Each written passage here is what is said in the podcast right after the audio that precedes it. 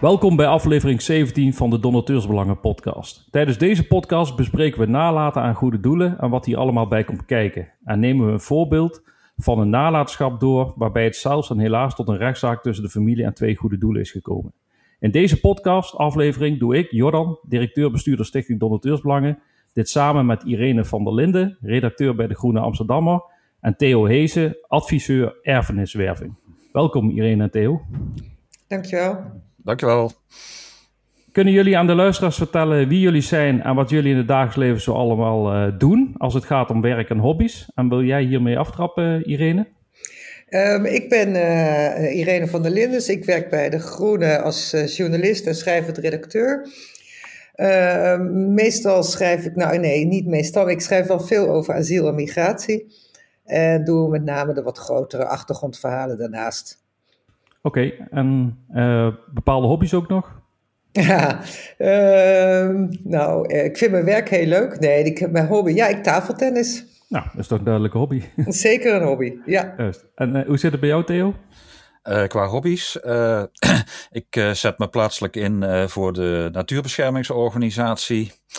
verder heb ik een volkstuin, heel veel boeken die ik nog moet lezen en, een en een camera die ik te weinig gebruik om leuke foto's te maken. Oké, okay. en qua werk? Qua werk, ik heb een redelijk lange loopbaan achter de rug uh, bij Goede Doelen in Nederland. als fondsverwerver, marketingmanager, communicatiemanager. met een nadruk op, op fondsverwerving. de laatste jaren heb ik mij nou ja, zeg maar gespecialiseerd in de werving van erfenissen. Uh, dus ik heb dat een aantal jaren ook gedaan als uh, nou ja, zelfstandig adviseur, consultant, uh, zeg maar in mooi Engels consultant in legacy marketing, in gewoon Nederlands adviseur erfeniswerving. Oké, nou we gaan het in deze podcast dus ook hebben over nalaten aan goede doelen en wat hier allemaal bij komt kijken. En wat er in de praktijk kan gebeuren bij de afhandeling van zo'n nalatenschap. Kun jij Theo uitleggen aan de luisteraars wat nalaten precies is en betekent? Uh, ja, nalaten heeft twee betekenissen. Uh, de eerste is uh, meer figuurlijk, van na, iets nalaten wat je eigenlijk had moeten doen. En het andere is, heeft betrekking op nalatenschappen. dus wat, wat blijft er achter als jij overleden bent? Eigenlijk is dat ook een vorm van nalaten, want je hebt nagelaten om het op te maken. Uh, en zoals ze vroeger zeiden, een doodshemd heeft geen zakken, dus je kunt het niet meenemen. Uh, en met die nalatenschap uh, gebeurt iets, moet iets gebeuren. dus dat gaat naar erfgenamen toe. En afhankelijk van hoe je dat zelf geregeld hebt, gaat dat naar kinderen, partners. of als je een testament hebt, kan het ergens anders heen gaan.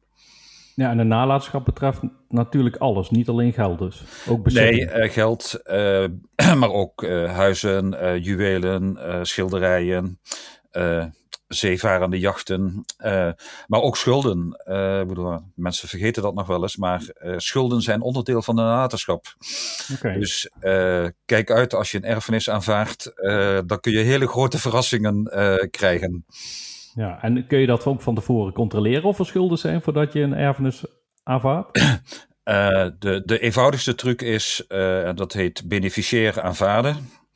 Uh, dat moet je via de rechtbank regelen. Dat kost een paar tientjes maar.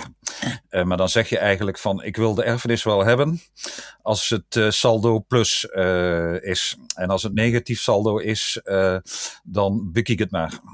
Juist, helder. maar eh, in, eh, je kunt dus ook eh, nalaten aan goede doelen. Ja.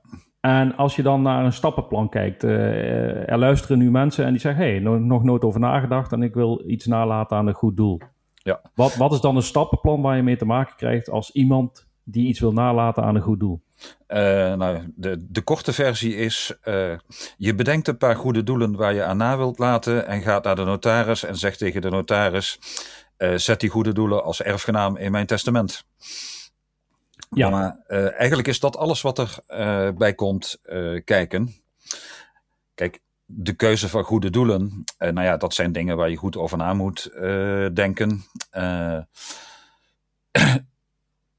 heel veel mensen bedenken van ja, wat vind ik zelf belangrijk in het leven? Is dat de bestrijding van een bepaalde ziekte, de kankerbestrijding.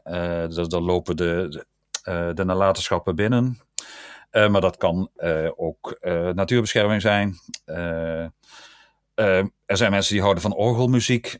dus die laten het na aan de orgelvereniging of bij het Prins, zetten bij het Prins Bernhard Fonds een fondsopname op ten bate van orgelmuziek. Dus dat is heel persoonlijk waar, waar, je voorkeur naar uitgaat. De meeste mensen die nemen drie, vier, vijf goede doelen in hun testament op. Uh, ook een beetje risicospreiding natuurlijk. ik heb één keer een testament gezien van 35 goeie, met 35 goede doelen als erfgenaam. Dat zou verboden moeten worden. Maar 3, 4, 5. nou, ik kan dat ook nog wel uitleggen. Ook, zeg maar, je wilt niet weten wat voor een bureaucratie er te pas komt bij de afhandeling van een erfenis. En als die 35 goede doelen allemaal een paar duizend euro erven, dan uh, kost het qua afhandeling uh, meer als dat de erfenis oplevert. Ja, dat, uh, zit, dat zit niemand op te wachten natuurlijk. Nee. En daarom is het verstandig om dat niet te doen. Ja, dus nee, maar het moet vooral zelf goed nadenken. weet je, ik, zeg, ik, ik raad mensen ook altijd aan, kijk ook uh, zeg maar dichter bij huis. Weet je, je hebt die standaard goede doelen, uh, de top 10, uh, waar iedereen het eerst aan denkt. Maar er zijn heel veel middelgrote of, of kleine goede doelen, die ook heel blij zijn met een erfenis. Maar ja, die staan niet op, de, op, de, op de breinladder bovenaan. Dus je, soms, uh, maar dat wil niet zeggen dat je een miljoen na moet laten aan de plaatselijke visclub. Maar als jij je leven lang leuk gevist hebt, dan kun je best nadenken over een legaat aan jouw visclub. Juist. Nou, ik, ik wil er denk ik later in de podcast nog op terugkomen. Ja. Want je gaf ook aan, ik ben ook fondsenwerver geweest, dan, ja. marketing, communicatiemedewerker, et cetera. wat vaak in de goede doelenwereld wordt verteld, in de goede doelensector, is ook qua fondsenwerving als wij niet de G-vraag stellen, zijn mensen niet vrijgevig en geven ze zich eh, niet uit zichzelf. Dus dat zal waarschijnlijk ook bij erfenissen zo zijn. Heel vaak wel. Erfenissenwerving is wat dat betreft wel een vreemde vorm van fondsenwerving. je, stelt, je, je, brengt mensen op het idee van, als goed doel van, nou ja, wij zijn blij met jouw erfenis. en dan hoop je maar dat dat opgepakt wordt. Want zeg maar 60, 70, soms wel nog meer, groter percentage van de erfenissen is een verrassing voor goede doelen. Uh, die weten van tevoren niet dat uh, ze in een testament staan. Dus die mensen zijn wel op de een of andere manier op het idee gekomen van, nou ja, ik wil nalaten aan de Vlinderstichting of de Vogelbescherming. Maar die hebben daar nooit contact over gehad met het betreffende goede doel. Uh, toch zijn ze op, op, de een of andere manier op het idee gekomen om aan de Vlinderstichting na te laten. Uh, de Vlinderstichting roept af en toe van, ja, wij zijn blij met uw erfenis. Uh, als u aan ons nalaat, dan zouden we er dat of dat mee kunnen doen. of wij hebben een erfenis gekregen en hebben er dat en dat mee gedaan. nou mensen zien of lezen dat ergens en gaan naar de notaris en nou ja, laten dat niet aan de Vlinderstichting weten. Juist. Nou, ik denk en, dat we dat dadelijk. Ja? En in een aantal gevallen uh, gaan mensen uh, actiever op zoek naar uh, informatie. die bellen op met de vraag: mag ik het jaarverslag of het beleidsplan of, of dat soort dingen. nou ja, dat stuur je dan als goed doel toe, samen met een mooie brochure over nalaten aan dat goede doel. Met allerlei tips waar je aan moet denken bij een testament, dat soort dingen. nou ja, die mensen die stuur je af en toe nog eens wat informatie uh, op van, uh, nou ja, vindt u nog steeds leuk om aan uh, ons na te laten? een aantal gevallen willen die mensen erover praten. dat kan zijn, die, daar kunnen ze zelf het initiatief voor nemen. je kunt als goed doel ook het initiatief nemen van, nou ja, vindt u het aanbod doen, uh, schriftelijk of telefonisch, van vindt u het leuk om een keer over de erfenis te praten? Uh, nou, laat het ons weten, dan uh, komen we bij u op de koffie. nou ja, dat, dat is natuurlijk een veel persoonlijker contact. Ja, ik, ik, ik, denk dat we dat dadelijk verder op doorgaan, ja. Theo. Wat je nu ja, nee, dan komen bij de, als we het over de code nalaten hebben, komen we daar ook op terug. maar goed, dat zeg maar, zijn in hoofdlijnen wat je zeg maar, op het gebied van erfeniswerving kunt doen. Ja, helder. Uh, dus uh, dadelijk komt inderdaad die code nalaten, die komt denk ik ook nog wel aan bod. Daar weet jij ook denk ik alles van, dus daar komen we daar even op terug. Maar je hoort ook steeds vaker geluiden dat erfgenamen onverwacht geconfronteerd worden met een bepaling in het testament, waarin staat dat het positief vermogen dus van de nalatenschap toekomt aan een goed doel.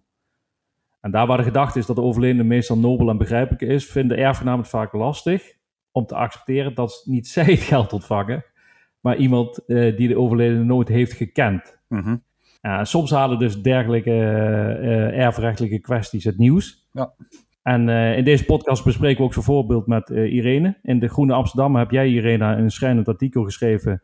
Met erin een voorbeeld van de nalatenschap van de persoon. Waarbij het uiteindelijk tot een rechtszaak tussen de familie en de goede doelen is gekomen.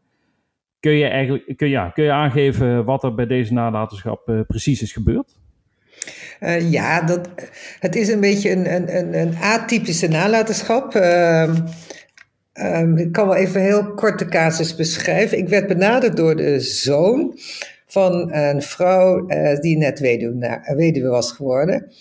En uh, zij was 25 jaar getrouwd geweest en was getrouwd in gemeenschap van goederen. Um, en haar man die was ook ziek. Ze wisten dat hij zou overlijden. En hij had eh, steeds eh, gezegd dat het allemaal goed geregeld was. En had verder nergens over gepraat. Behalve dat ze van, nou ja, we laten je goed achter. Zij heeft een aantal kinderen, dat zijn zijn stiefkinderen. Um, en toen hij overleden was, werden ze een half jaar later benaderd door de notaris. Van ja, de, de erfenis is. de, hij heeft een testament nagelaten. En dat komt uit 1997. Het was een, zes jaar voor hun huwelijk. En daarin uh, was de eerste erfgename een vrouw voor wie hij toen zorgde, maar die ondertussen overleden was. En de tweede erfgenaam was, waren twee goede doelen aangewezen. En dat testament heeft hij nooit gewijzigd.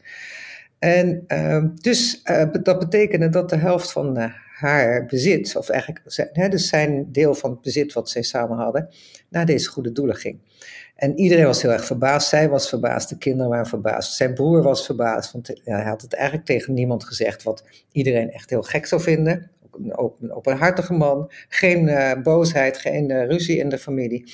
Dus ze hadden ook zoiets van, nou, als hij dat echt had gewild, dan uh, had hij dit, waarom had hij dat dan niet gewoon kunnen zeggen? Ehm, het waren ook twee stichtingen waar hij verder nooit echt iets mee had, of nooit over sprak. Hij doneerde ook niet aan ze. Um, dus ze zijn naar die stichtingen gegaan en hebben gevraagd van ja, dit, is, dit hebben we gevonden, maar dit moet een vergissing zijn. Uh, dit, hij is dit vergeten of hij dacht door die gemeenschap van goederen, dat huwelijk, uh, telt dit niet meer. Uh, kunnen we praten hierover of kunnen willen, jullie het niet, willen jullie het niet aanvaarden of wat gaan we doen? En uiteindelijk hebben ze een heel lang gesprek gehad met allebei. was een, een, toch wel een beetje misverstand in hoe ze dat gesprek ingingen, want de erf en de goede doelen gingen erin van, nou, we gaan gewoon eens even praten, omdat we willen weten wie deze, deze erflater is. Dat heet Kees, om het wat makkelijker te maken. En, uh, en zij gingen erin denken van, nou, we kunnen hier, hè, ze gaan begrip krijgen voor onze situatie en uh, waarschijnlijk gaan ze dan de erfenis niet accepteren. En um, uiteindelijk hebben ze die gewoon geaccepteerd en toen zijn ze naar de rechter gestapt. Ja, en kun je in het kort uitleggen wat daar gebeurd is bij de rechter? De rechter heeft gewoon simpel eigenlijk gezegd van uh, het testament is het laatste, is, is een juridisch document. Dat is eigenlijk is ook waar de goede doelen zich op beroepen. En daarin staat de laatste wil van de erflater en daar gaan we vanuit. Ja. Dus die uh, heeft gewoon het testament gevolgd. Zij, mm -hmm. Ondertussen zijn ze op, uh, in hoger beroep gegaan, kan ik er vast bij zeggen. Ja, wilde je iets uh, op reageren, Theo? Of? Uh, ja, ik wil daar wel iets over zeggen. weet je, ik kan. Ik, ik, ga geen oordeel uitspreken nu over zeg maar het besluit van het, goed, het goede doelen om zeg maar, zich aan het testament vast te houden. weet je, daarvoor ken ik de casus ook niet goed genoeg. ik, ben daarbij niet, ik ben er niet bij geweest. maar in Nederland hebben we testamenten echt wel heel goed geregeld. veel beter als in andere landen. in Nederland is een testament pas rechtsgeldig als het bij het Centraal Testamentregister vastgelegd is. En anders stelt het gewoon niet. En als je je testament herroept, wordt dat ook in het Centraal, Centraal Testamentregister vastgelegd. In heel veel landen kun je op de achterkant van een sigarendoosje je testament opschrijven. En dat is ook rechtsgeldig. En dan is het maar net wie, het sigarendoosje vindt. Uh, en al dan niet in de kachel uh, stopt. Wat er met je erfenis gebeurt. Een notaris heeft de plicht om als iemand een testament ondertekent om, om te controleren of iemand zeg maar voldoende bij zijn verstand is om te beseffen wat hij uh, doet. dus wat de nou, consequenties zogenaamde wilsbekwaamheid. Ja. ja.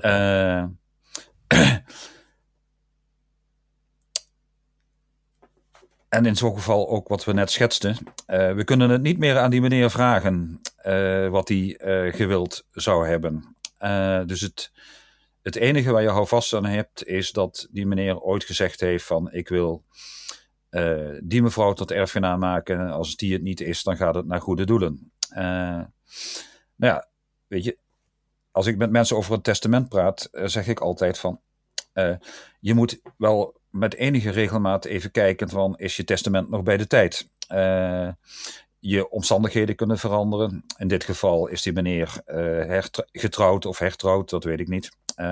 Maar dat is een wezenlijke verandering van je situatie. Dus je moet op zo'n moment moet je ook uh, zeg maar de consequenties van je testament even de revue laten passeren. Dat heeft die meneer klaarblijkelijk niet gedaan. maar hij kan dus ook niet vertellen van ik had het anders gewild. dus als goed doel uh, zeg maar, is die, die, die verklaring van het testament is het enige houvast. Uh, en daar zullen goede doelen, uh, en ook dat, ik vind dat terecht, ook niet, niet snel van afwijken. want anders krijg je hele kolonnes neven en nichten, aangetrouwde achternichten op de stoep. Van ja, maar tante heeft het zo niet bedoeld. Ja. ja. tante had het op een gegeven ogenblik wel zo bedoeld, want het staat in het testament. Uh, en nou ja, als het aantoonbaar is dat tante het niet zo bedoeld had, uh, dan kan de rechter daar een uitspraak uh, over doen. Dat is een heel heldere en duidelijke procedure. En ik geef eerlijk toe, weet je, dat kan soms tot, tot heel schijnende dingen leiden. De andere kant van het verhaal is, we hebben geen idee hoeveel erfenissen er aan goede doelen voorbij gaan. Omdat stiefkinderen, neven en nichten uh, suikertante onder de arm nemen en haar mee naar de notaris zeulen om zelf in het testament te komen. En ik ken, daar, ik ken daar ook uit de praktijk voorbeelden van. Ik had een keer een erfenis van, ging over nou, volgens ongeveer een miljoen. Uh, aan een goed doel. Ja, ik... stond allemaal netjes in het testament. Uh, en op de een of andere manier uh, heeft mevrouw dat testament herroepen. en ging het naar neven en nicht. en mevrouw was nog best wilsbekwaam. dus de notaris vond dat allemaal goed. dus het omgekeerde komt ook voor. Ja, hoe, hoe, kijk je daarnaar, uh, Irene? Want ik, ja, ik vind het zijn een paar aantal punten die je noemt, waar ik denk toch, ja, ik vind, door dit laatste punt uh, vind ik een beetje flauw, want ja, ditzelfde verhaal wordt wel eens over goede doelen verteld, hè, dat ze oude mensen overhalen. En ook daar zijn we niet allemaal bij, dus het, het, is een beetje merkwaardig om nu een soort tegenstelling tussen kinderen en goede doelen te maken en wie erfgenaam is, want ik denk dat heel vaak als erflaters het gewoon vertellen aan hun kinderen en uitleggen waarom ze het doen, dat ze er zich er heel goed in zouden kunnen vinden. En mhm. dat ook gewoon wel gebeurt. Maar ik nog heel even over het eerste, eerste punt, hè, want, want dat, daar, dat zijn eigenlijk twee verschillende dingen. Wat je zegt van, uh, uh, wij weten, we waren er niet bij, we weten niet wat hij wilde. Dat is een feit, want hij is dood. En het enige waar we aan ons kunnen vasthouden is dat testament. En ik vind dat, en dat hebben de, de, goede doelen natuurlijk ook, en ook de belangenorganisaties die ik heb gesproken ook steeds gezegd. Ik vind dat een beetje een te makkelijke houding. Want uh, tuurlijk, het argument, ja, dan krijgen we al die andere kinderen en stiefkinderen op ons dak en oud-tantes en weet ik wat, en oud-nichten. Maar dat vind, dat vind ik echt te makkelijk, want je, je, uh, ik vind als je om, het gaat om, soms om veel geld, het is een belangrijk inkomstenbond van goede doelen, dan moet je daar ook uh, zorgvuldig mee durven om te gaan. En um, als dit, deze zaak bijvoorbeeld, hè, als, een goed, als de goede doelen gewoon hadden gepraat en tot een deal waren gekomen, had ook niemand het geweten bovendien. En dan was het ook niet in de media gekomen. Dus ook dat argument van ja, als we dit eenmaal hadden gedaan, dan was iedereen op de stoep komen staan, vind ik een beetje een vals argument. En ik, ik denk zeker, hè, nu er een periode aan gaat komen waarin uh, waarschijnlijk hè, een rijke generatie gaat overlijden en, en het gaat om nog steeds veel meer geld gaat, ja, uh, denk ik dat je gewoon toch ook als goed doel moreel en ethisch moet kijken. En tuurlijk weten we niet wat deze case echt gewild had. Hè? Maar als je alle punten bij elkaar neemt, dan is dit een casus waarvan je denkt van, uh, het is heel plausibel dat hij het niet had gewild. En dan moet je als goed doel afvragen, wat wil ik nou? Hou ik nou vast aan, ja, maar in 1997 heeft hij dit uh, in zijn testament laten zetten. Niet eerst als eerste, hè, maar eigenlijk als tweede. Hij had geen kinderen. Dus het heel, je, je ziet, kan de situatie voorstellen dat hij bij de notaris zat. Hij wil, wilde dit aan deze vrouw die hij verzorgde nalaten. En dan zegt de notaris ja. En als hij dan dood is, hè, wat doen we dan? En er liggen vol, je weet het zelf ook, er liggen heel veel foldertjes bij notarissen van goede doelen. En hij uh, had misschien toen ook wel iets met uh, dierenopvang Amsterdam, want daar uh, woonde hij vlakbij. En dacht hij, nou, dan doe ik dat. En als daarna, dat, zo kan het gebeuren. En hij, hij oh, nee, heeft dat... niet zijn hele leven het is, we weten het niet, ik geef het toe en ik snap ook dat het moeilijk is. Maar ik denk dat als je een hele afdeling uh, kan optuigen uh, binnen een goed doel over het binnenhalen van nalatenschappen en erfenissen, dan kun je ook zorgen dat je iemand hebt die hier wel zorgvuldig over kan nadenken. En ja, een morele afweging maakt. Deze mensen hadden gewoon natuurlijk met liefde iets ook wat willen geven. Ze hadden, stonden echt bereid en open om er van alles mee te doen. Maar ze vroegen alleen maar om wat clementie en, en om het anders op te lossen dan zo heel hard op mm -hmm. dit testament te zitten. Daarbij komt ja. ook nog dat ze heel agressief vervolgens hebben gehandeld. Dus dan denk je ook, waarom nou een advocatenkantoor op in je handen nemen die zo te werk gaat? Maar goed, dat is een ander verhaal. Nou, ik, dus ik, en ik vind het wel eens voor het plicht, sorry. Ja, ja, uh, ik wil daar wel even op doorgaan, uh, Irene. Want ik heb zelf ook even contact gezocht. En ik heb gevraagd of ik uh, de naam van de zoon uh, van de vrouw van Kees uh, mag delen. En dat heeft hij aangegeven dat dat geen probleem is in deze podcast. Dus ik heb contact gezocht met Michael. zijn artiestennaam is Laser. En dan weet jij misschien iedereen 3.14 of 3.14. Yeah. Ik weet niet of het yeah. Engels of Nederlands is. en hij liet mij het volgende weten zagen de nalatenschap van Kees, hoe hij er naar kijkt. En hij geeft aan, het killen, ik lees het nu voor hoor, want dit heb ik via e-mail van hem ontvangen. Het kille zakelijke, emotionele, of emotie, emotieloze handelen van deze goede doelen choqueerde mij. Er lijkt geen enkele compassie voor mijn moeder te zijn, nog de hele situatie vanuit de goede doelen te zijn, terwijl je verwacht dat wel van mensen, dat, terwijl je dit wel verwacht van mensen die het moeten hebben van donaties en geldwerven op basis van emotie en compassie. Het feit dat mijn moeder met een moreel appel naar hun kwam en daarna misleid werd met de suggestie dat er over een menselijke oplossing gesproken zou kunnen worden, om later te moeten ontdekken dat dit nooit hun intentie was, omdat ze nooit een erfenis afwijzen, heeft ons eigenlijk als familie gekwetst. Zeker omdat na het overlijden van Kees, die dit ja, niet gewild had, naar uh, de mening van uh, de zoon dus, van uh, Betsy, en het testament duidelijk vergeten was, je iemand treft op een zwaar emotioneel moment in haar leven. Maar vooral het feit dat men weet hoe, hoeveel emotionele financiële ravage een oude vrouw aangedaan wordt, maar van geen wijken weet. De, mens, de menselijke maat is echt ver te zoeken.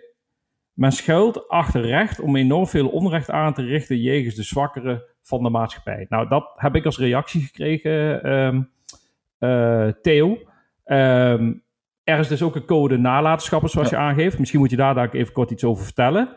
Um, als je zoiets hoort vanuit uh, de zoon van de familie, uh, zeg maar, die niet specifiek direct ook een erfgenaam wellicht is, uh, maar hoe zijn moeder dus achterblijft. Misschien kun je daar nog iets over vertellen, Irene. Want uh, hoe zit dat nu? Want ik vind dat altijd ook wel interessant om te weten. De menselijke maat.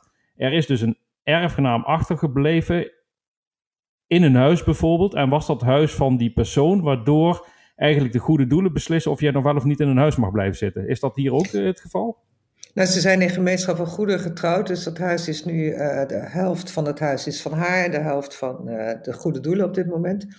Uh, een beetje nog hypotheekschuld, geloof ik. Het gaat om een, een appartementje in Bos en Lommer. dit is ook het belangrijkste, enige bezit wat ze hebben, behalve nog een kleine spaarrekening, die dus al twee jaar lang is geblokkeerd. dus het gaat niet om veel geld. Ze hebben beide hun geld verdiend als schoonmakers. Ehm, maar goed, het gaat dus inderdaad in principe nu om het principe. Om het principe. Maar de zijde en de goede doelen zeggen, ja, we zorgen toch ook goed voor haar, want ze hoeft het huis niet uit. Pas als zij dood is, erf, eisen we uh, dat deel op. Nee, maar dus, het, het, had dat, ook zover kunnen komen dat goede doelen had ik gezegd, je moet je huis uit. Als het uh, nee, gewild. volgens mij mag dat niet meer. Dat weet ik eigenlijk niet helemaal zeker. Weet jij dat? Uh, ik weet niet precies hoe het juridisch zit. Nou, Volgens mij mag je dat als kinder in ieder geval niet doen. Hè? Je hebt een soort vruchtgebruik dan. Uh... Ja. Nee, er is een regeling dat je uh, moet, dat zeg maar, ik ben geen afhandelingsjurist, uh, maar er zijn bepalingen dat je in ieder geval voor een bepaalde tijd, zeg maar, huis, huis en boedel kunt blijven gebruiken. hoe ver dat precies strekt, dat weet ik niet het strekt in ieder geval uh, niet zo ver uh, dat je automatisch uh, de rest van je leven in dat huis mag blijven wonen. Nee. Want, zeg maar, als erfgenaam kun je dus jouw deel van de erfenis opeisen. dus het goede doel had, voor zover ik het juridisch allemaal snap, dus op dit moment kunnen zeggen van ja, u verkoopt het huis maar, de helft is voor u en de helft is voor ons. Ja, en dat hebben ze in dit geval niet gedaan. Maar het, waarschijnlijk geldt dat dat ook zelfs had kunnen gebeuren. Mm Oké. Je kunt, je, ehm, je, je, kunt je, je, je erfenis opeisen. Uh, en nou ja, de, de, de facto was door het testament uh, mevrouw onterfd. Uh, want normaal, als je zeg maar partner bent of gehuwd bent, dan, nou ja, dan heb je volgens het wettelijke erfrecht een heleboel nou ja, rechten op de erfenis. Uh, dus nou ja, het lijkt erop alsof hier sprake, door dat testament sprake is van een onterving. Uh, dus dan, dat is ook zo. Ja, ja dus uh, in die zin, zeg maar, is er ook nog best wel op basis van wat ik nu hoor, uh, coulance geweest van de goede doelen. Van nou, mevrouw mag tot het einde der dagen in dat huis is ze bijna, was ze bijna 80 hoor, dus we hoeven niet heel lang te wachten. Ja, dus zo nou ja. cool vind ik het ook niet. Ja, nee, nee, maar uh, weet je, het, het, goede doel, als, er op, als een goed doel op zijn strepen staat, uh, dan kan dat ook anders aflopen. Het had nog erger nee. kunnen zijn, ja. ja. Juist, dus, ja, daar, daar lijkt het op en dat is eigenlijk wat ik dus wilde aan. in die zin van, van... is, kun je niet zeggen dat het goede doel, uh, zeg maar, er helemaal met de bottenbijl ingegaan is. Nou ja, dus wel in dit, dit opzicht dan niet, dat is dan, eh, dat kun je zeggen, het gebaar. Maar het is wel op de, de manier hoe ze het hebben afgehandeld. En daar gaat het natuurlijk vooral om. En dat is ook ja. waar de pijn zit.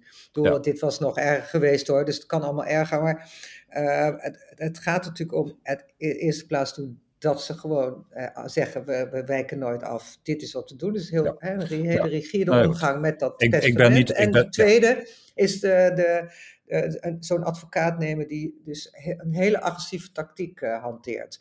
Dus je kan bij beide, dat, dat, en dat vind ik dan nog een tweede stap om dat dan ook nog op die manier te doen. Ja, nee, goed, wat, zeg maar, wat we ook in die code nalaten beschreven hebben, is dat je gewoon met respect om hoort te gaan met uh, nabestaanden, andere erfgenamen en dat soort dingen. Uh, ik ben niet bij dat gesprek geweest, uh, dus daar, daar, daar kan ik geen oordeel over vellen. ik denk dat respect in ieder geval betekent dat je duidelijk, duidelijk moet zijn. en, nou, misschien heel simpel, Theo. Ja. Betekent dat eigenlijk dat als jij een gesprek met een familie aangaat als goed doel zijnde, die dus uh, verrast is dat er opeens een nalatenschap voor uh, goed doel is. Mm -hmm. um, ja, hoor je dan als goed doel uh, niet te zeggen zoals hier is gebeurd van we gaan een gesprek aan en we gaan kijken, of hoor je niet gewoon meteen vooraf te zeggen, ongeacht wat er gebeurt, wij zullen altijd de laatste wil nakomen, dus wij komen de erfenis, of hoe noemen we het, de nalatenschap na. Ja. Want dat is volgens mij wat hier gebeurt is, Irene, als ik het goed begrijp. Er is een gevoel gegeven van, we gaan over praten en er zijn mogelijkheden. Maar eigenlijk is vanaf de eerste seconde duidelijk van, nee, wij gaan sowieso die erfenis accepteren, punt. Ja, en dat is ook de advocaat, ik zeg even bij de advocaat was er ook bij, van uh, de, de, de, de, Betsy en de zoon. En die had datzelfde gevoel, dus het is, het is ook van een neutrale partij die dat gevoel mm kreeg van, nou, we gaan er gewoon over praten. En zij was dus eigenlijk net zo verbaasd. Ja. Uh, nou ja, goed, het, is algemeen dat goede doelen zich uh, strikt aan testamenten uh, houden. Dus, nou ja, het, het, is goed om dat in zo'n gesprek dan, dan ook aan te geven. Je kunt als goed doel zeggen van, nou ja, weet u, het gesprek aanhorende willen we daar, willen, willen we er nog een keer goed over nadenken. Je moet niet meer verwachtingen wekken als, als je van plan bent. Dus als je, je weet niet wat er in zo'n gesprek aan informatie naar boven komt over de erflater. en je wilt gewoon netjes met zo'n familie het gesprek aangaan.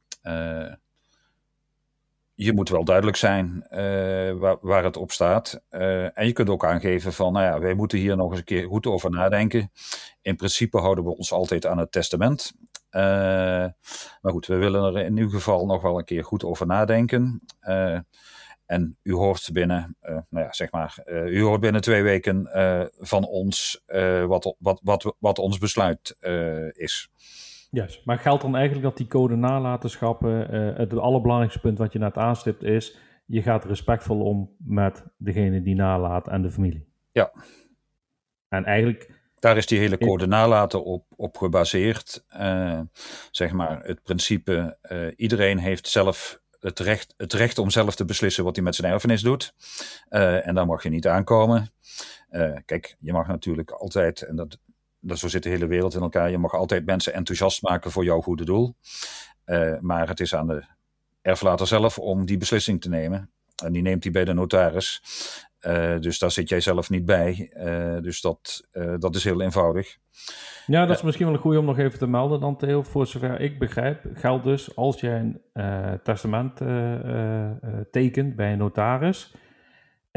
als er nagelaten wordt aan een goed doel, het is nooit zo dat het goede doel bij de notaris aanwezig is als jij de handtekening zet. Nee. Jij doet dat altijd zelf, persoonlijk bij de notaris. Ja, dat klopt. Uh, zeg maar, de notaris zal je ook niet binnenlaten. Uh, zeg maar, een testament is persoonlijk. Dus uh, zeg maar, nou ja, ik kan het goed vinden met mijn partner, dus wij gaan wel samen. maar in principe heeft mijn partner niks met mijn testament te maken. Dat is een persoonlijk document, dus tussen mij en de, en de notaris en, en voor niemand anders. en dat komt pas boven water als ik er niet meer ben. Ja, en goede, do goede, doelen gaan dus niet mee naar de notaris. Uh, en, al en al helemaal niet mee naar binnen. Uh, want dat, dat, dat, dat mag niet en dat hoort niet. Nee, maar je liet net het woord uh, om te erven vallen. En ja. Irene gaf ook aan dat het ja, in dit geval ook daadwerkelijk het geval is. Mm -hmm. maar zover ik begreep, Irene, wat je aangaf, zijn ze getrouwd geweest in gemeenschap van goederen. En er is dus sowieso toch altijd sprake van een legitieme portie. Die dus, legitieme portie gaat vooral voor de kinderen, die gaat voor de kinderen op. En niet voor de... Niet voor de partner. Aha. Dus uh, de partner uh, heeft nog wel, uh, zeg maar, voor, voor een half jaar het recht om van huis- en boedelgebruik te maken, dat soort dingen. maar daar houdt het dan mee op. De kinderen hebben wel recht op een legitieme portie. dat is zeg maar ongeveer de helft van, een, normaal, van het normale erfdeel die legitieme portie moeten ze opeisen. Uh, dus die komt niet vanzelf. Uh, je moet zelf uh, zeg maar naar de notaris en eventueel naar de rechter om die legitieme portie op te eisen van degene die nou ja, zeg maar de erfenis ontvangen heeft. Oké, okay, maar het is, het is dus echt zo, en laten we niet een hele, want we hebben het hier over nalaten aan goede doelen, en ik ga ja. niet iets over nalaten, hoe noemen we dit, ding, of zetten bijvoorbeeld, maar daadwerkelijk partners zijn van iemand uh, waarbij de hele uh, nalatenschap aan een ander wordt nagelaten, betekent dat je echt daadwerkelijk 100% onterfd bent. Ja, ja helaas uh, of helaas, maar goed, dat werkt gewoon zo. Zo het werkt dat gewoon. Ja, het recht is niet altijd rechtvaardig. maar dat, dat geef ik meteen toe. Nee, maar dat was het, bij mij het is gewoon het recht waar iedereen nou ja, mee, mee, te doen heeft, mee te doen en te leven heeft. Nee, nou, dit was bij mij niet bekend bijvoorbeeld. En dat, ja, dat ja, laat toch wel zien inderdaad hoe het werkt. Mhm. Eh, maar een testament kun je ook dus wel degelijk uh, aanvechten, maar dat kan dus alleen via de rechter zoals je aangeeft. En dat is dus ook niet makkelijk, omdat de rechter meestal ook datgene volgt gewoon wat in het testament staat natuurlijk. Ja. Maar, er komt, maar er komt wel iets van wilsbekwaamheid om de hoek kijken. Ja. En hoe kijken jullie hiernaar? Irene, weet jij in deze case, casus iets of er ook nog uh, gesproken is over wilsbekwaamheid? Want je geeft aan dat er een hoger beroep is aangetekend. Ja. En hoe, hoe, groot acht je de kans dat een hoger beroep uh, opeens wel. Hoe nou, ze hebben een nieuwe advocaat. Dat is een advocaat die, die naar voren is gekomen naar aanleiding van dit artikel. Is iemand die ik had gesproken die vaker dit soort zaken doet. En zij zag een grote kans om hier deze zaak wel te winnen. Zij heeft ook veel ervaring met de Anglo-Saxische wereld, waar wat meer langere traditie al is met geven en hoe je daarmee omgaat. Maar ja, dat weet ik verder niet, hoe groot die kans daadwerkelijk is. Deze case was volgens mij wel wilsbekwaam. Hij was toen hij die testament afsloot, is hij natuurlijk gewoon naar een notaris gegaan die dat ook bepaald heeft. Hij was wel zwaar depressief. Zijn, zijn vorige vrouw was overleden. Zij was net weduwnaar geworden. Was heel depressief, zo depressief dat hij niet meer, en zo ongelukkig dat hij niet meer thuis kon slapen en het, en, het zwierf en op bankjes in het park sliep, omdat hij niet meer in dat huis wilde zijn waar zij, zijn vorige vrouw was gestorven.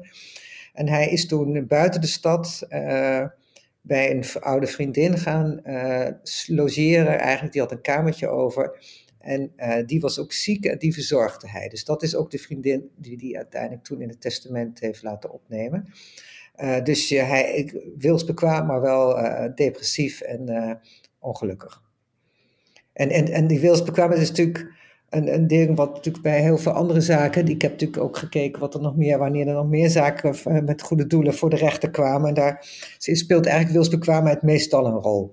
Ja. Omdat het dan vaak Ja. over oudere mensen gaat die op het laatst nog opeens door het leger des hels zijn benaderd. Of nou ja, daar waar dan, er zijn natuurlijk een aantal zaken wel bekend waarin dit ook mis is gegaan. En daar, daar is, kun je natuurlijk ook, de, de enige die dat bepaalt is de notaris. En als die twijfelt, kan die een deskundige vragen voor advies. Ehm, maar daar is de notaris eigenlijk de poortwachter voor om dat te beoordelen. Dat is natuurlijk wel een zware verantwoordelijkheid ook, hè? want hoe, ja, hoe weet de notaris dat? Ja. Ja. Aan de andere kant, er is wel een poortwachter. Eh, weet je, dat, eh, in, in heel veel landen is er geen enkele poortwachter eh, die beoordeelt of iemand wilsbekwaam wat op de achterkant eh, van zijn sigarendoosje geschreven eh, heeft. Dus je, ik bedoel, maar dat, Absoluut. maar dat is heel, veel, is heel zo. veel waard dat er in ieder geval een poortwachter is. Want ik heb het zelf meegemaakt met mijn moeder, eh, die aan het dementeren was. En de notaris twijfelde ook. En die heeft de geriater ingeschakeld. En de geriater zei van... mevrouw snapt het wel. Alleen helaas is het over tien minuten weer vergeten. Maar ze snapt wel wat ze aan het doen is. Eh, en verder was dat gewoon een heel standaard eh, testament eh, waar niks spannends in stond. Maar ja, zo, zo, zo dun is die lijn van Ja, Iemand moet snappen wat hij aan het doen is. Iemand moet snappen dat als hij doodgaat, dat het geld dan en de bezittingen dan daarheen gaan of daarheen gaan. Ja. En dan ben je, zeg maar, wilsbekwaam om een testament te tekenen.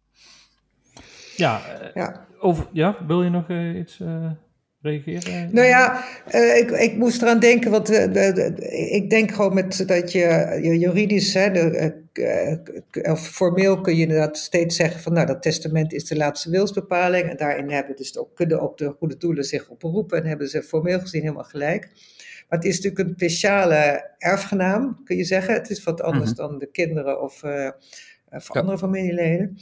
En ehm, eh, die code is denk ik heel erg goed dat die er überhaupt is, hè, want dat, die is natuurlijk ook vrij nieuw.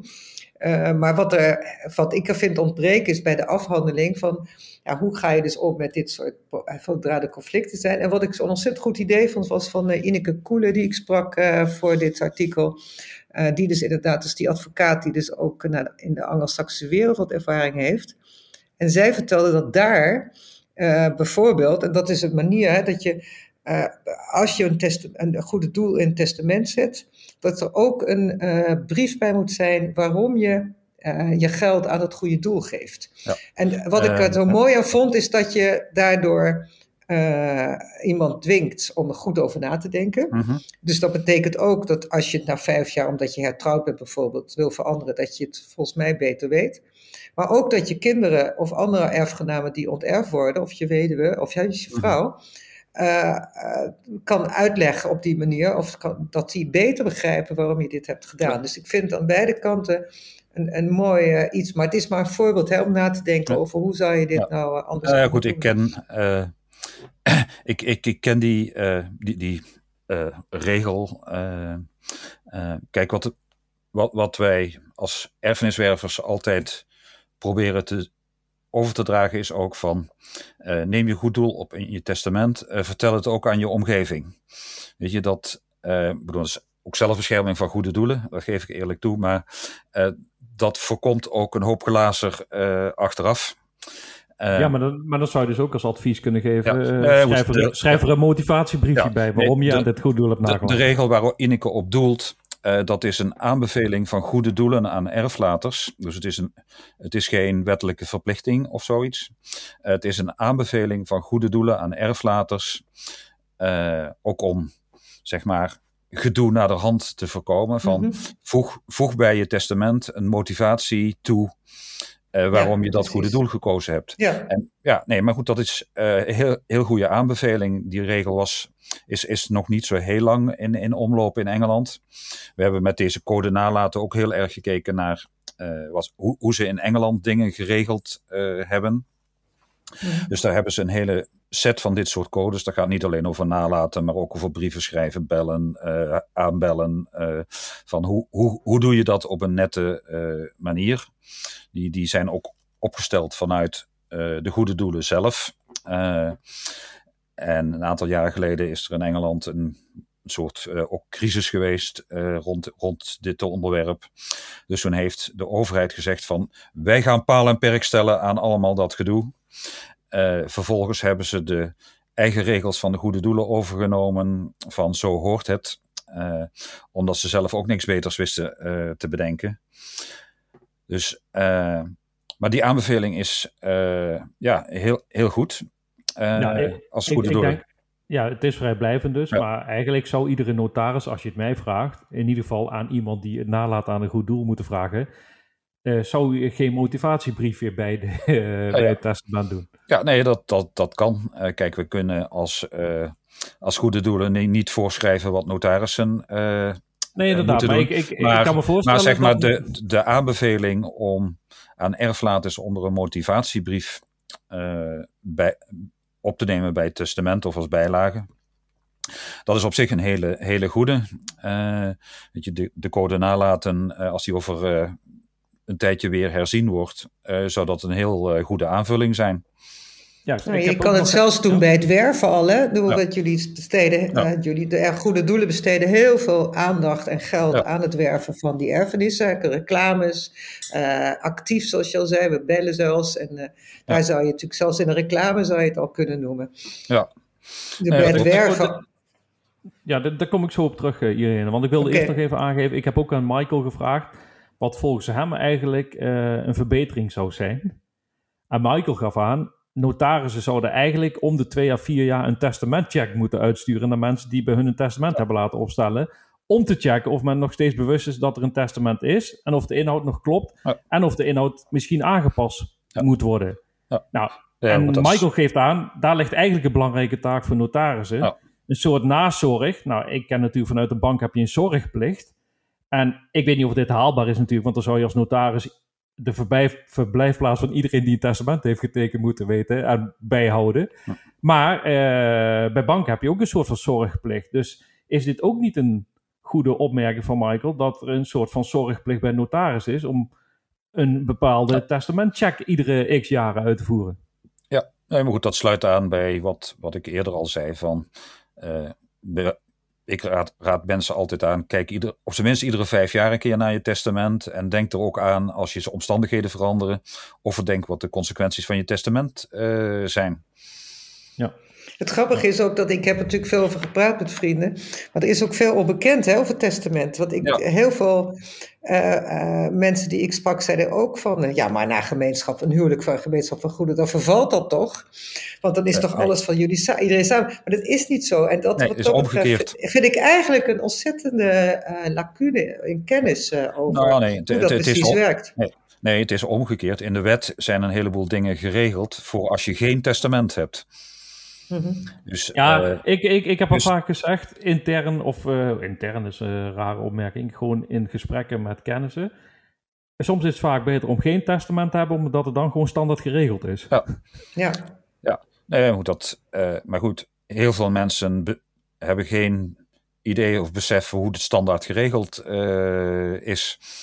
Uh, nee, maar er kunnen dus ook mensen zijn, uh, ik zeg niet dat het in dit geval is gebeurd, maar er kunnen dus ook mensen zijn die een testament maken, die zeggen ik laat alles na bij goede doelen, zonder dat ze weten dat ze daarmee hun partner onterven. Ja, nee, dat kan. Ja, nee, Ja, dat, kan. Dat is in dit, misschien in dit geval ook wel eh, heel erg aan de hand eh, geweest. Eh, Ja. Weet je, dat, dat kan ik van hieraf niet, niet overzien. Nee, daarom, maar, dat- maar- maar dat- maar statistisch gezien is die kans duidelijk aanwezig dat die meneer gedacht heeft van ja, ik ben getrouwd, dus het gaat naar, ik ga naar mijn vrouw. Dat, dat kan heel goed. Je, maar dat, de, de onmogelijke regel, eh, volgens mij staat die zelfs in de grondwet, iedere Nederlander wordt geacht de wet te ke- kennen. Eh, Ja. ja, dat bestaat natuurlijk niet. Ik bedoel, de 500 strekkende meter wetboeken en regelingen. Eh, dus ja, het zijn ook geen dingen die je op school leert. Dus ik heb daar ook niet zomaar een oplossing eh, Nee, voor. ik, ik, denk, ik denk dat daar ook een, eh, een hoe noemen we dat, een, eh, iets voor de notaris ligt om ook duidelijk te geven als je een testament opstelt wat daar allemaal bij komt kijken. Maar ik wil heel even op het uh, stuk inzoomen. Want Michael heeft ook nog laten weten ja, hoe hij kijkt, gewoon als een buitenstaander naar fondsenwerving voor nalatenschappen. Hij geeft aan, ik denk uitkijken met agressief lukraak, wer- lukraak werven van, via testamenten door agressief ouderen op te bellen. Eh, goede doelen zouden in plaats van zich te schuilen achter ja, wet is wet, het behoort ons toe, echt protocollen moeten gaan opzetten om zaken als de onze te voorkomen en waarbij het belang van de erflater boven die van goede doelen komt te staan. Ik denk zelf niet dat oplossingen vanuit de goede doelen zelf zullen komen. Daar heb ik een hard hoofd in. Maar er moet zeker een en ander veranderen in wet en regelgeving. Nou, dat is de opvatting van Michael. Ja, Ehm, ja. Ehm, maar daar wil ik zo wel wat over zeggen. Ja, dat is goed. Ik wil eigenlijk dus even door op de fondswerving gaan.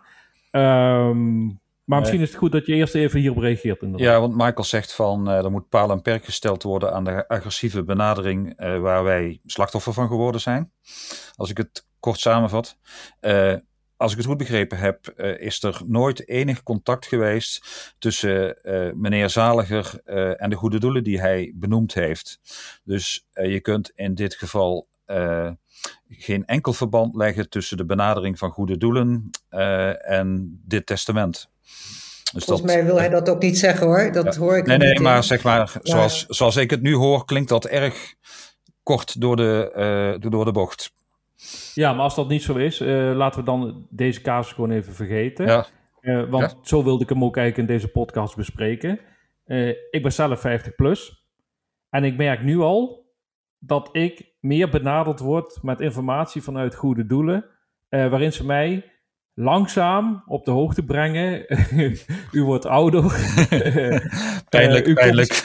Ja, u, wordt, komt wellicht in de toekomst te overlijden. Dus ik word nu, eh, zeg maar, in de eh erfenissen eh, mailings opgenomen, zeg maar. Dus ik krijg nu ook eh, meer en meer informatie al over eh, nalaten aan goede doelen. Ja. En dat is mijzelf ook al opgevallen. Ja. En jij bent fondsenwerver eh, geweest, eh, Theo. Nog steeds. Oké, geldt dus geldt dat eigenlijk bij goede doelen zitten fondsenwervers. Er worden ook bureaus ingeschakeld zoals jij een bureau had voor nalaten. Ehm, geldt dat de G-vraag stellen als fondswerver, wilt u geld doneren aan ons goede doel? Nou, in hetzelfde geval wilt u een erfenis of wilt u nalaten aan ons als goed doel? Geldt dat er echt programma's voor zijn om mensen vanaf een bepaalde leeftijd met een bepaalde eh, donatiehoogte bijvoorbeeld in een geldbedrag, dat die dus specifiek eh, op het netvlies staan bij het goede doel en dat daar een, eh, een volledig eh, actief wervingsbeleid op zit? Ja, ja nee, dat klopt. Wat je eerder al zei van... Uh, uh, wat, als jij niet vraagt, zult jij niet krijgen. dat is niet alleen bij erfenissen zo. als, we, als wij geen reclame maken voor BMW, zullen wij geen BMW's verkopen. En als wij geen reclame maken voor bier, dan zullen wij geen bier verkopen. Uh, dus dat gaat voor goede doelen ook op. Uh, dat is, uh, nou ja, zo, zo, werkt de wereld nu eenmaal. En ja, gefeliciteerd dat je de 50 gehaald hebt, Jordan. de ervaring leert dat mensen pas over een testament na gaan denken als ze de 50 gepasseerd zijn dan denken ze er nog jaren over na, want dat verdringen ze al. Mensen verdringen dat uh, testament, want dat heeft met doodgaan te maken en zo, en dat wil je allemaal niet weten. Letterlijk wat jij nu zegt, zo zit dat ook bij mij. Ja, nee.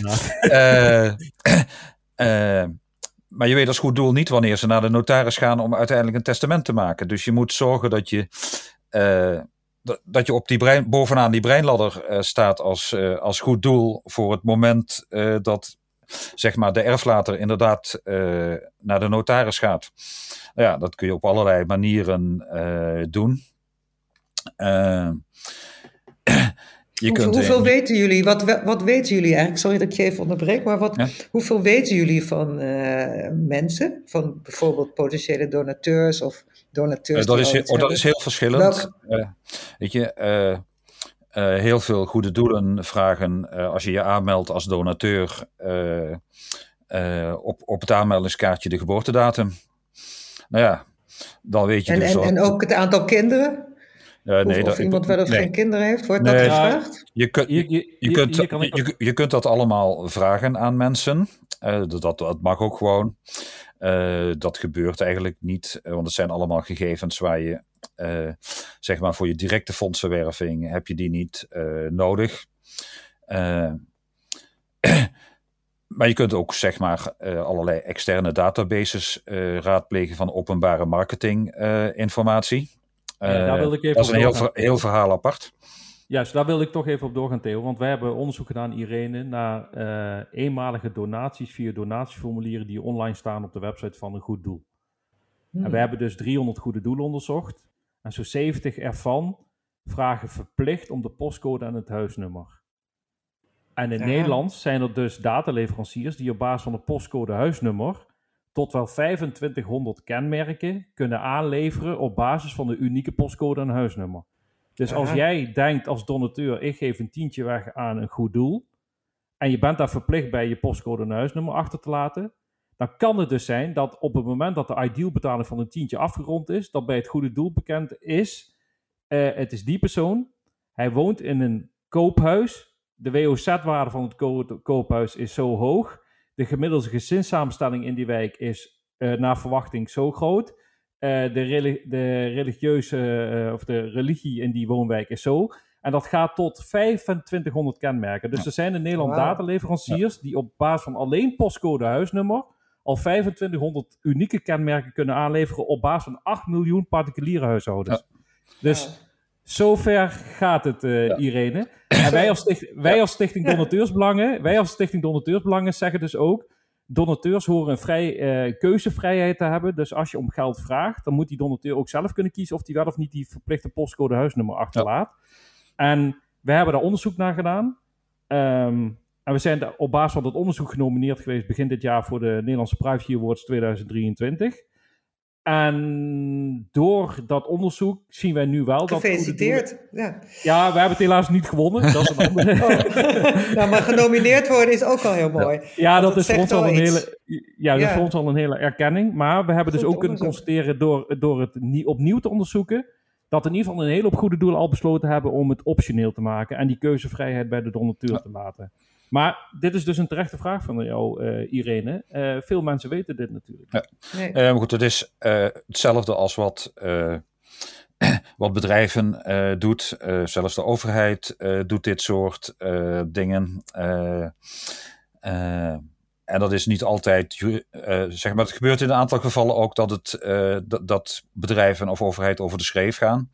Maar er is heel veel informatie beschikbaar, zeg maar. En weet je, Facebook advertenties voor nalaten kunnen heel effectief zijn. En Google en, en Facebook weet alles van je. Dus je, kunt heel, heel, nee, maar je kunt dan heel gericht uh, die mensen proberen te benaderen waarvan je denkt uh, de meeste kans te hebben. Dat is ook nou, logisch. Dat is ook, logisch. Ja, dat is ook logisch. Dat is anders logisch. ben je dom bezig en je wilt zeg maar niet als goed doel geld over de balk gooien door dom bezig te zijn. Dus je, gebruik, nee, okay. je gebruikt zeg maar de mogelijkheden die er zijn, die wettelijk toegestaan zijn. En dat zijn er veel meer als de consument of de donateur in de gaten heeft. Dat klopt. Ja, maar dan heb ik één specifieke vraag. Er is een code nalaten. Ja? Uh, mensen worden dus benaderd die in een bepaald segment vallen of profilering vallen ja. met de kans op overlijden. We gaan proberen daar een nalatenschap voor ons goede doel binnen te halen. Ja. Sim simpel gezegd. maar zouden goede doelen dan niet altijd ervoor moeten zorgen dat ze niet eigenlijk de volledige nalatenschap kunnen opeisen. Dat ze eigenlijk zeggen, we moeten voorkomen dat we gewoon 100% van de nalatenschap ontvangen. Uh, nou nee, dat hoef, je niet, dat hoef je op zich niet te voorkomen. Als iemand 100% van die nalatenschap aan jou na wil laten, uh, dan moet iedereen dat zelf weten. Dan moet je niet, als, ga je, ga je niet als goed doel zeggen van, uh, doet mij een deel niet. Ik bedoel, maar zo, nee, zo werkt het niet, Jordan. Nee, oké, maar geldt dat goede doelen eigenlijk ook daadwerkelijk vragen om de volledige nalatenschap? Dat ze eigenlijk... Nee tijdens het werven vragen van laat alsjeblieft, als, alsjeblieft alles na aan ons. Nee, dat gebeurt, dat, dat gebeurt niet. Tenminste, ik heb het nog niet uh, voorbij zien komen. Ik zie redelijk wat voorbij komen. Uh, je, wat je als goed doel vraagt, uh, benoem ons tot erfgenaam of mede-erfgenaam of legateren ons een bedrag. dat, dat is de vraagstelling. en zeg maar, het is aan de erflater zelf om te bepalen hoe je, hoe je zijn erfenis uh, verdeelt. Of je dat naar 1 of 35 uh, goede doelen uh, doet, of voor een deel naar zijn familie en voor een deel aan goede doelen. Je, onze Engelse collega's zeggen altijd van do your family and your friends first. Uh, en dan pas het, uh, het goede doel. En dat uh, wordt, komt, zie ik in, ook in Nederland in campagnes met enige regelmaat ook voorkomen, die, die, die toevoeging. Ja. Weet je, denk, denk aan je familie, denk aan je vrienden en denk aan goede doelen. en, nou ja, en verder is het aan, dan aan jou hoe, hoe, hoe je het verdeelt inderdaad. Uh, ik wil nog één vraag aan Irene stellen, want ik zie dat we al bijna richting het uur gaan en uh, we moeten ook niet een te lange podcast maken. Um, in Nederland hebben we ook een brancheorganisatie, Goede Doelen Nederland, en die komt op voor de fondsenwervers, uh, fondswervende organisaties in Nederland, Irene. Zij geven aan dat eigenlijk in de afgelopen ja, misschien wel twintig jaar het tot maximaal op één hand te tellen rechtszaken is gekomen met betrekking tot nalaten. Dus ja, je hebt het hier over uitzonderingen. Uh, dus hoe kijk jij hiernaar als je hoort dat zo'n brancheorganisatie zegt van... Ja, waar hebben we het eigenlijk over? We verwerken 10.000 uh, nalatenschappen per jaar via ons bureau nalatenschappen. Uh, en er zijn in totaal in de afgelopen 20 jaar uh, vijf rechtszaken geweest. Dus er is er niks aan de hand. Nou ja, eigenlijk des te meer aan de hand. Dan kun je des te meer afvragen als het zo weinig voorkomt dat er conflicten zijn en problemen in dit soort casussen die aan worden aangevochten, waarom je niet gewoon gaat praten met die paar uitzonderingen dan. Dan geldt dat argument wat goede doelen zich nu steeds maar achterscharen van uh, ja, dat komt iedereen, geldt dan eigenlijk überhaupt niet. Dus dan denk ik van nou, kennelijk zijn er dus in een paar gevallen uh, echt mensen geweest die dachten dit klopt niet. Nou, waarom heeft goed, hebben die goede doelen dan niet geluisterd en geprobeerd om uh, op mijn maat, maatwerk uh, hier naar te kijken en een oplossing te zoeken, in plaats van zich toch in mijn ogen nog steeds heel gemakzuchtig achter dat recht schuilen. En nou, wat mij misschien ook wel, wel verbaasde of ook wel schokte, is dat ze ook echt overtuigd waren dat ze gelijk hadden. Van, dat, dat, omdat het in het testament staat, dat dat was wat hij wilde. En dat, ze daardoor, en dat zelfs dat de rechter daarin mee was gegaan, dat ze bevestigd werden in hun gelijk. Terwijl ze, niemand weet of zij gelijk hadden. Dat, dat je niet eens durft te twijfelen aan je gelijk, dat vind ik dan ook heel ingewikkeld. En nou, zeker als het zo weinig voorkomt, denk ik des te meer van, waarom ben je, zijn ze in hemelsnaam niet gewoon gaan praten en hebben ze een oplossing gezocht? Ik begrijp ik echt niet. En dat je niet denkt van, stel je voor dat ze hebben nu, eisen nu dat geld op van deze case, ehm, ten koste van zijn vrouw, van wie die, met wie hij 25 jaar heel gelukkig getrouwd is, heeft de gelukkigste periode in zijn leven gehad. En stel dat, stel, dat je je gewoon inbeeldt, stel dat hij dit niet had gewild, dan eis je desondanks gewoon op. Nou, dan snap ik gewoon niet dat je daar zo makkelijk mee kan leven en denkt, ja, maar we hebben gelijk.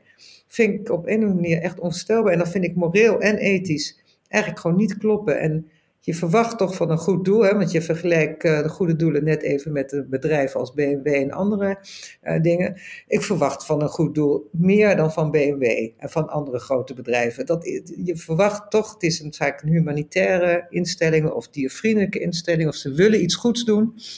Hè, het goede doel, nou dan moet je dus ook ethisch en moreel kunnen handelen. Ja, nou, ik kan me alleen hierbij aansluiten, uh, Irene. Want uh, wij als Stichting Donateursbelangen zeggen ook... Uh, als je fonds werft, prima. iedereen mag de G-vraag stellen. Wij zijn voor goede doelen. We zijn voor fondsenwerving. Dus stel de G-vraag, maar hou het wel rekening en ben, hoe noem je dat, eerlijk, open, transparant en respectvol tijdens het geld inzamelen. Uh, dus Tja. dit is een heel interessant onderwerp. Ik, ik rond hem af, Theo. Uh, ik wil nog wel uh, iets vragen, dus je kunt nog reageren. Um, dus we gaan nu afronden met de podcast. Maar is er nog iets specifiek waarop jullie, waarover jullie iets willen laten weten of ergens over op terug willen komen? En dan begin ik bij jou, Theo. Nou ja, wat, ik, wat straks aan de orde geweest is. die mevrouw die mag dus gewoon in het huis blijven wonen, zolang ze dat kan. dat zover als ik het begrijp, had het goede doel had dat niet hoeven doen. Uh, die hadden gewoon hun deel van de erfenis op kunnen eisen. Uh, dus in die zin uh, is het niet zo zwart-wit als hier gesteld wordt. en ja, er zullen altijd twijfelgevallen zijn, grijs vlak. En daar hebben we in Nederland een, een, vaste procedure voor om dat op te lossen. Uh, en dat is dat je de rechtsgeldigheid van een testament bij de rechter aan kunt uh, vechten. Nou, daar zitten goede doelen zitten daar niet op te wachten uh, op dat soort dingen. maar het is op zich wel gewoon een heel eerlijke, transparante en rechtlijnige manier om, zeg maar, in twijfelgevallen een knoop door te hakken. Oké. Okay. Uh, ik denk niet dat je daarop hoeft te reageren, Irene. Het is gewoon dezelfde vraag uh, die Theo nu heeft uh, gekregen. wil jij nog specifiek iets bespreken of ergens op terugkomen wat we tijdens deze podcast doorgenomen hebben? Nee, ik heb wat mij betreft wel alles gezegd. Ik zou pleiten okay. voor meer twijfel bij goede doelen. Oké, nou dan wil ik jullie, uh, Irene en Theo, hartelijk danken voor jullie uitleg met betrekking tot nalaten aan goede doelen en de specifieke case waar we het over gehad hebben. Um, dank daarvoor. Graag gedaan. Geen dank. Graag gedaan. De Donateursbelangen podcast edities bestaan uit gesprekken over onderwerpen die spelen in de non-profit sector in Nederland. Voor meer informatie of eerdere afleveringen ga naar donateursbelangen.nl slash podcast. Wil jij of jouw organisatie een bijdrage leveren omdat jullie een interessant onderwerp hebben met betrekking tot de non-profit sector en donateursbelangen in het bijzonder? Neem dan contact met ons op. Tot de volgende Donateursbelangen uh, podcast aflevering.